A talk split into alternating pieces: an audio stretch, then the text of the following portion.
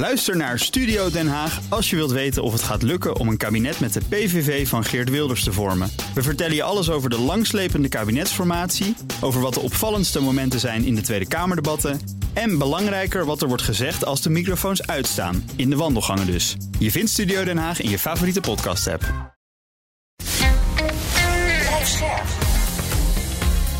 BNR Nieuwsradio. Cryptocast. Herbert Blankenstein. Welkom in de Cryptocast met vandaag de belangrijkste stablecoin Tether doet niet mee aan sancties tegen de mixingdienst Tornado Cash. En het Amerikaanse Bitcoin Depot is het eerste crypto-pinautomatenbedrijf, nieuwe woorden leren, dat naar de beurs gaat. Dit is aflevering 235 met een half uurtje crypto nieuws op de radio, u weet het. En daarna gaan we door als podcast over voetbal en crypto met onze gast Remy van der Nagel. Welkom. Dankjewel. Learning and Development Coordinator bij Bitfavo. En uh, iemand die heel veel weet van de combinatie crypto en voetbal. Dus dat uh, kan interessant worden straks. Mijn co-host is Daniel Mol, redacteur bij de Cryptocast en BNR Digitaal. Dus dat is makkelijk vandaag. Hallo Herbert. En wij geven geen beleggingsadvies. Vorm je eigen mening, maak je eigen keuzes. Geef ons niet de schuld, want crypto kan lucratief zijn, maar is ook riskant. Nou, we gaan het over Tether hebben, want uh, Tether, zoals iedereen weet, de belangrijkste stablecoin, nog wel, weigert om te goede te bevriezen die afkomstig zijn van de gesanctioneerde mixingdienst Tornado Cash. Volgens Tether is de regelgeving op dit gebied nog te onduidelijk. Nou, Daniel, eerst eventjes maar uh, neerzetten. Tornado Cash, wat was het ook weer? Ja, Tornado Cash, dan hebben we het over een decentrale mixingdienst. Een mixer is eigenlijk een, een, een software een grote bak met loodjes. Iedereen doet er een loodje in. Dat is dus het geld.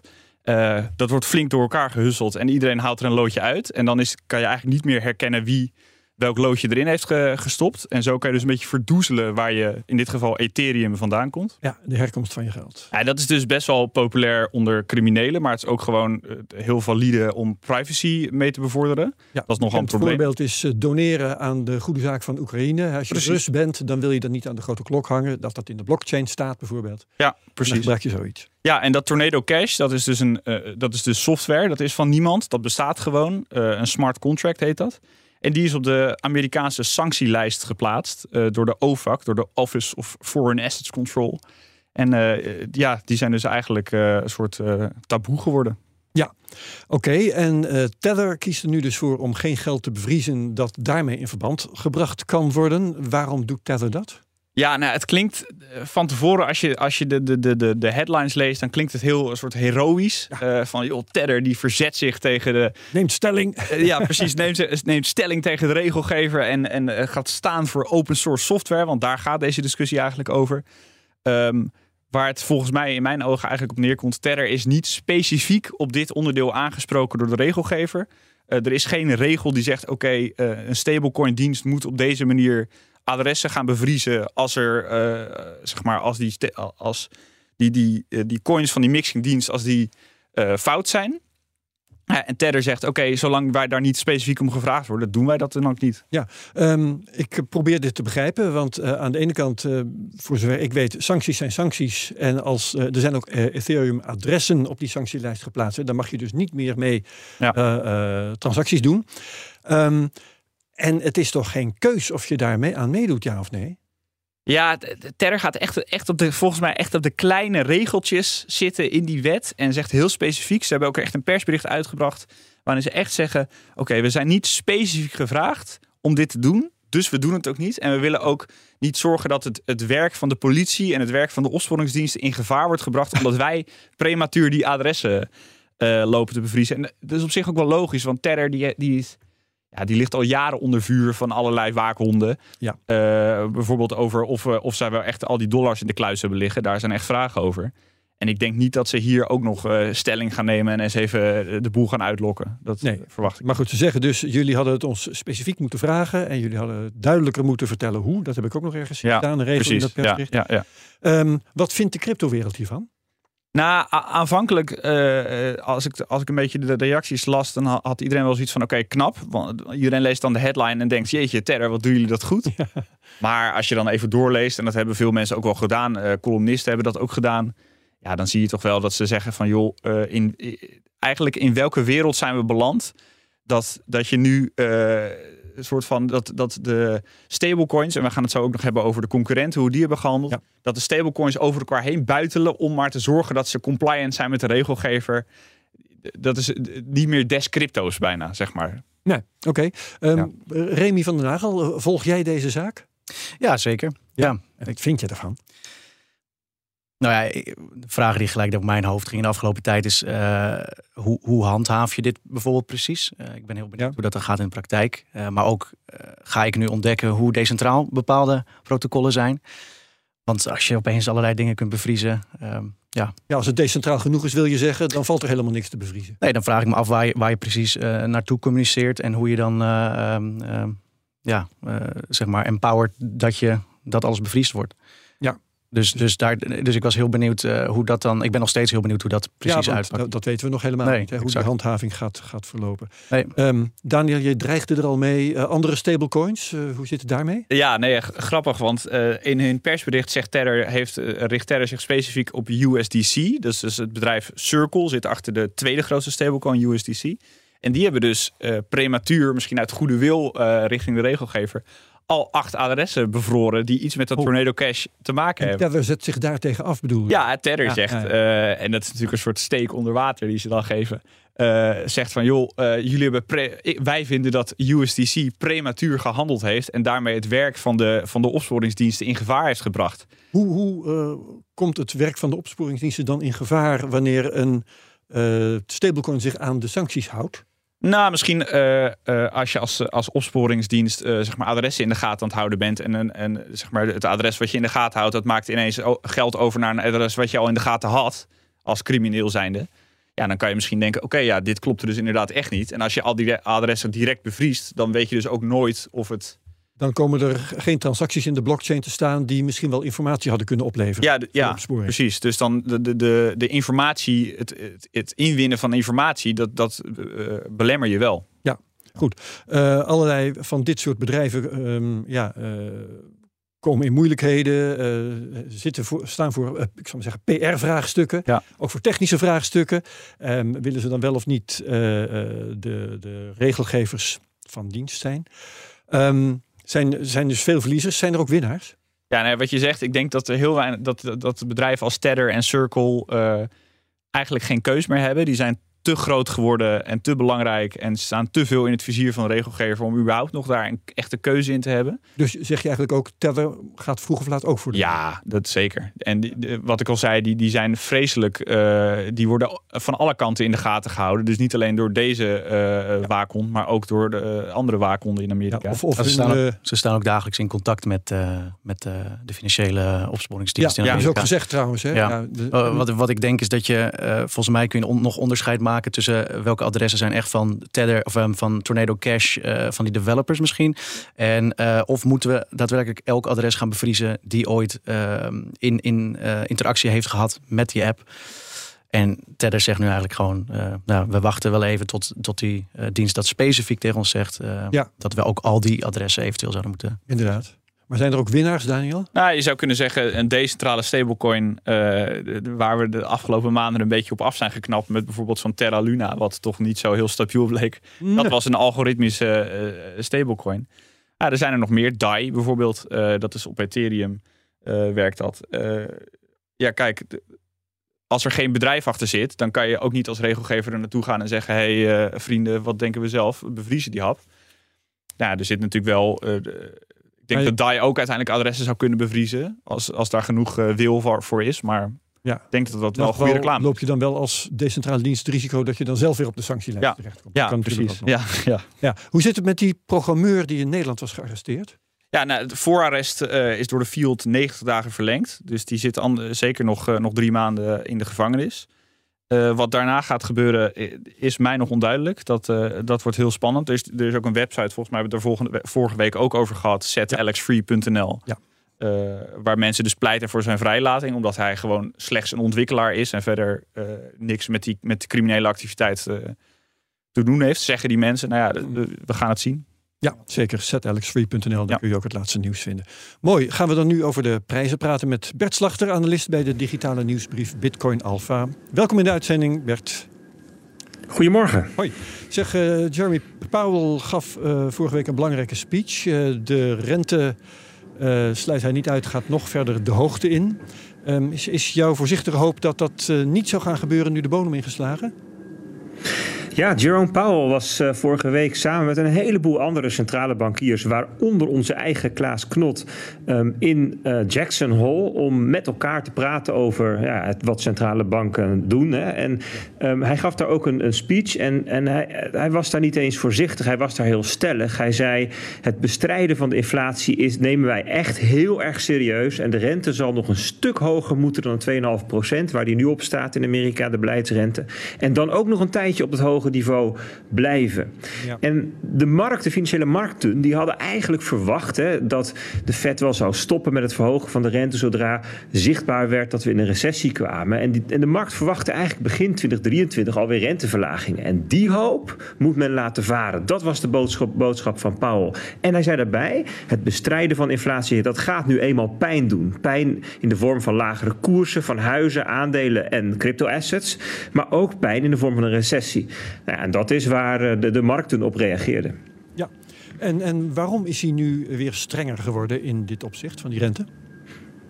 Nou, ik, ik, ik, denk dat het ermee te maken heeft dat ze um, door elke keer die soft landing te benadrukken, hè, het bestrijden van de inflatie zonder een recessie te veroorzaken, daar waren ze altijd heel optimistisch over, dat ze daarmee een stukje van hun eigen verkrapping weer ongedaan gemaakt hebben. En dat was niet de bedoeling en dat heeft men nu gefixt. Ja, oké. Okay. Ehm, was nog een factor die druk gaf op de prijzen. Um, de verloren coins van Mt. Gox een deel daarvan, de, de exchange die in 2014 failliet ging, die gaan de komende tijd teruggegeven worden aan de gedupeerden. Um, heeft dat inderdaad een prijsdrukkend effect? Ja, dat is een goede vraag. De meningen daarover zijn verdeeld en het is ook erg lastig in te schatten. Je zou dan moeten weten hoeveel er wordt teruggegeven en uh, wanneer en, en aan wie. En dan wat die. Ja, wat de partijen ermee gaan doen. Precies, dat is natuurlijk de grote vraag. Hè? En, um, kijk, dus, dus ik, ik weet het nog niet, hè, maar mijn inschatting is dat het in ieder geval niet de impact gaat hebben die bijvoorbeeld Luna of Celsius had. Dus wel wat verkoopdruk zou kunnen, maar niet een uh, volledige crash. Hè, want sommige doemprofeten dan uh, uh, voorspellen. Ja, oké. Okay, nou goed, als gevolg daarvan zijn Bitcoin en Ether weer aardig gedaald.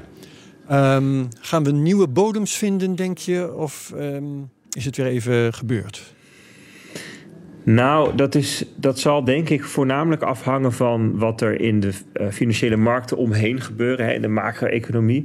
Um, kijk, Bitcoin zelf, daar is niks mee aan de hand. Hè. De afgelopen negen jaar is die geen seconde offline geweest. Wordt hard ja. gebouwd. De rekenkracht is stabiel. De, de, de, de rekenkracht hè, van de miners is nu nog steeds hoger dan op het hoogtepunt in 2021. Hè. Dus dat is heel positief. Dus fundamenteel is er niks aan de hand. Maar ja, weet je, heel veel marktparticipanten zijn gewoon heel gevoelig nu voor wat er in de, um, ja, in de bredere economie uh, gebeurt en in de financiële markten. Dus ja, reken erop dat, dat als daar weer echt enorme zwakte ontstaat, hè, dus een nieuwe daling, dat ook crypto-assets daar last van, van krijgen. Of we nog lager gaan dan de 17.500 dollar die we al gezien hebben, ja, dat zullen we moeten afwachten. Ja, en de Ether ging, uh, zoals wel vaker, wat harder naar beneden dan Bitcoin. Um, is dat routine of zijn er toch weer twijfels over de merge, de grote upgrade die we half september krijgen?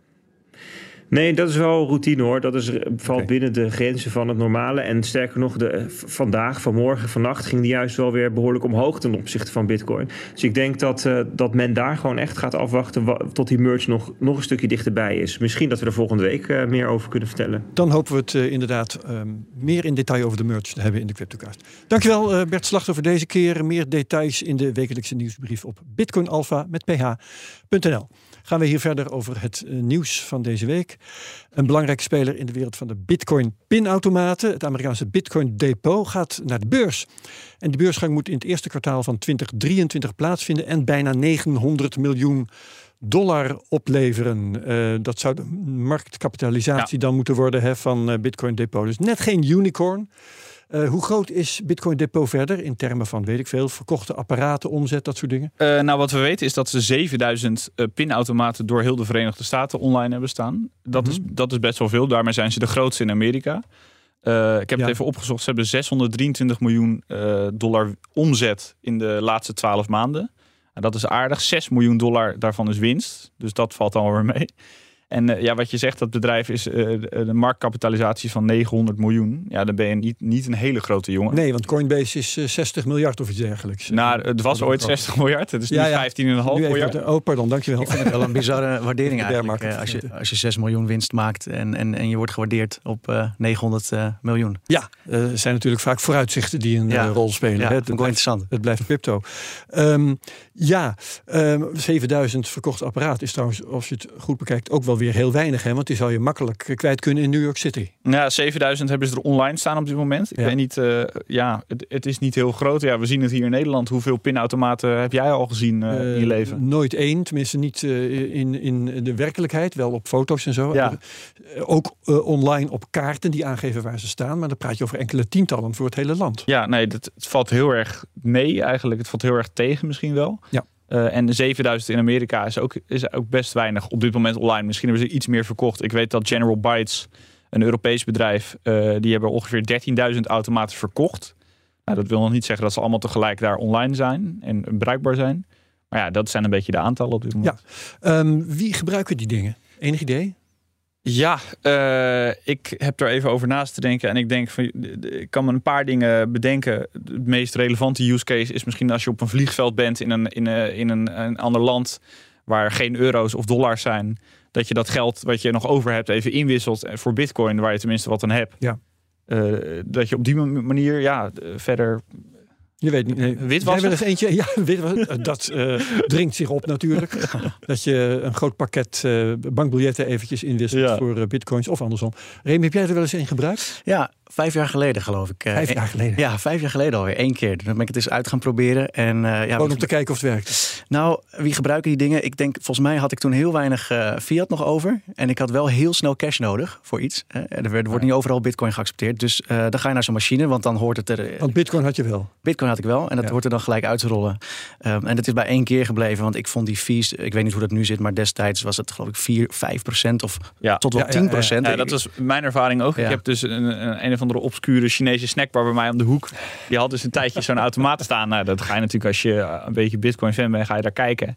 Eh, maar toen dacht ik van joh, ik ga een beetje Bitcoin kopen. 20 euro stop ik erin eens kijken. Maar die, die wisselkoers die je dan krijgt aangeboden, dat is Nee, echt, dat daar word je heel verdrietig van. Dat is heel Ja. verschrikkelijk. En dan een winst van 6 miljoen, eh, hoe krijg je het voor elkaar? En aangezien, Ja. nou ja, het is de exploitant natuurlijk die daar een rol in speelt. Ja. Ehm, en die kan ook vragen wat hij wil. Want iemand die op dat moment, nou, zoals jij bijvoorbeeld, eh, even snel wat flappen nodig heeft, Ja. die ehm, heeft geen keus. Die kan niet eh 100 meter verderop naar een andere bitcoin Ja. Oké, zo is de situatie nu. Kan nog veranderen. Ehm, maar eh, is dit een goede timing, Daniel, om eh, zo'n bedrijf naar de beurs te brengen in een bear market? Ja, ik vind het wel een beetje spannend. Eh, we hebben in het verleden gezien dat bijvoorbeeld een aandeel Coinbase, waar we het net over hadden, die zijn echt keihard afgestraft. Die Ja. waren op een, op, ja. op een bepaald punt 300 dollar per aandeel. Dat is nu nog maar 60. Ja, nou, dat betekent dus dat je bij de beursgang krijg je lekker veel voor je aandelen. En daarna zakt de koers Ja. slecht voor je reputatie. Ja, al moeten we daar dus wel bij zeggen dat Coinbase eh, de beurs op ging toen alles nog halleluja was. En eh, volgens mij Bitcoin ook rond de 60.000 dollar Ja, stond. ja, ja. En als je nu dus naar de beurs gaat eh, met de markt van nu, ja, dan hou je dus, eh, dan heb je een, een marktkapitalisatie van 900 miljoen. Nou, misschien is dat alsnog veel. Ja. Ehm, ja, kijk, je haalt een hoop geld op met zo'n met zo'n beursgang. Dat is wel, wel zo. En Ja. dat kan je dan investeren en helemaal in een bear market. Ervan uitgaan dat het ooit nog goed komt.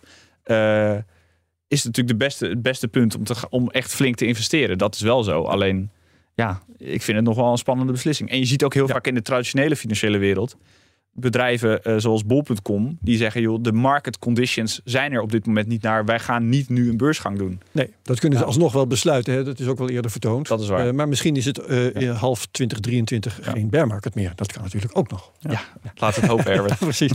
Oké, ehm, straks gaan we een podcast opnemen en dat wordt leuk, want we gaan met Remy praten over crypto en voetbal.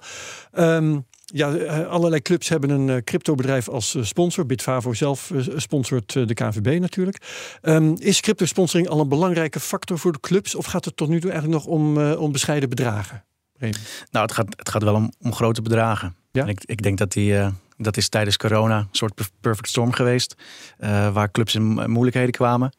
Eh, met hun uh, budgettering. En uh, in diezelfde tijden werd er vrij veel geld in omloop gebracht. werden ook verzamelobjecten meer waard. en kwam de cryptomarkt, ja, beleefde hun boeren. En die weten elkaar dan ja, in die zin wel te vinden, denk ik, qua Um, op, ja, het, is, ja, het begon als optimisme, denk ik. Het, het is een miljoenenbusiness, dus het is in ieder geval. Daar kunnen we rustig van uitgaan. Gaan we straks meer uitgebreid over hebben. Behalve over sponsoring gaan we het hebben over dingen als NFT's en voetbalclubs. Fan-tokens en voetbalclubs. Um, en over crypto-eigenaars van voetbalclubs. Want daar hebben we er ook een paar van. Welke factor daarvan vind jij nou de belangrijkste voor het voetbal? Uh, voor het voetbal zelf, voor de fans, denk ik de, de, de NF, NFT uh, en metaverse component. Oké, en waarom? Omdat je daar um, in mijn optiek in de toekomst een, een nieuw soort fanbeleving mee kan bouwen. En dat is voor voetbalclubs en, en, en als, als we het hebben uh, voor fans, lijkt mij dat uh, de meest toegevoegde waarde. Ja. Uh, als je kijkt naar, naar, naar geld, voor de, vanuit cluboptiek van dat ze geld op moeten halen, dan zouden het fan tokens kunnen zijn en, en, en sponsorships. Maar dat is in mijn beleving niet maar vind je dan het, het, een crypto-eigenaar bij een voetbalclub? We gaan het zo meteen hebben over eh, Real Bedford Town. Ja. Bedford FC, een superklein stadje in Engeland waar een crypto-eigenaar zit. Ja, ik vind dat een prachtig verhaal. Het is een soort uh, real-life voetbalmanagers. Uh, op het negende niveau en met heel veel geld. En uh, gewoon op weg naar de Premier League. Ik vind dat schitterend. Ja, ik, vind, ik vind dat ook wel mooie verhalen. Maar voor mij, dat gebeurt ook met geld wat verdiend is. Met bijvoorbeeld behang verkopen in Aden Den Haag. Hè, die bij Swansea helemaal omhoog geleid. nou vind ik het wel leuk om daar een crypto component bij te zien. Maar ehm, voor mij, ja er zijn meer van dat soort verhalen. Oké, daar gaan we het straks uitgebreid over hebben. Heel leuk onderwerp, dankjewel. Um, ik dank mijn gast dus Remy van der Nagel voor uh, deze uitzending tot nu toe. Van Bitfavo, co-host Daniel Mol, even goed, even goed bedankt. Wie meegaat naar de podcast tot straks, wie het hierbij laat, ook bedankt. En heel graag tot volgende week bij de Cryptocast op BNN.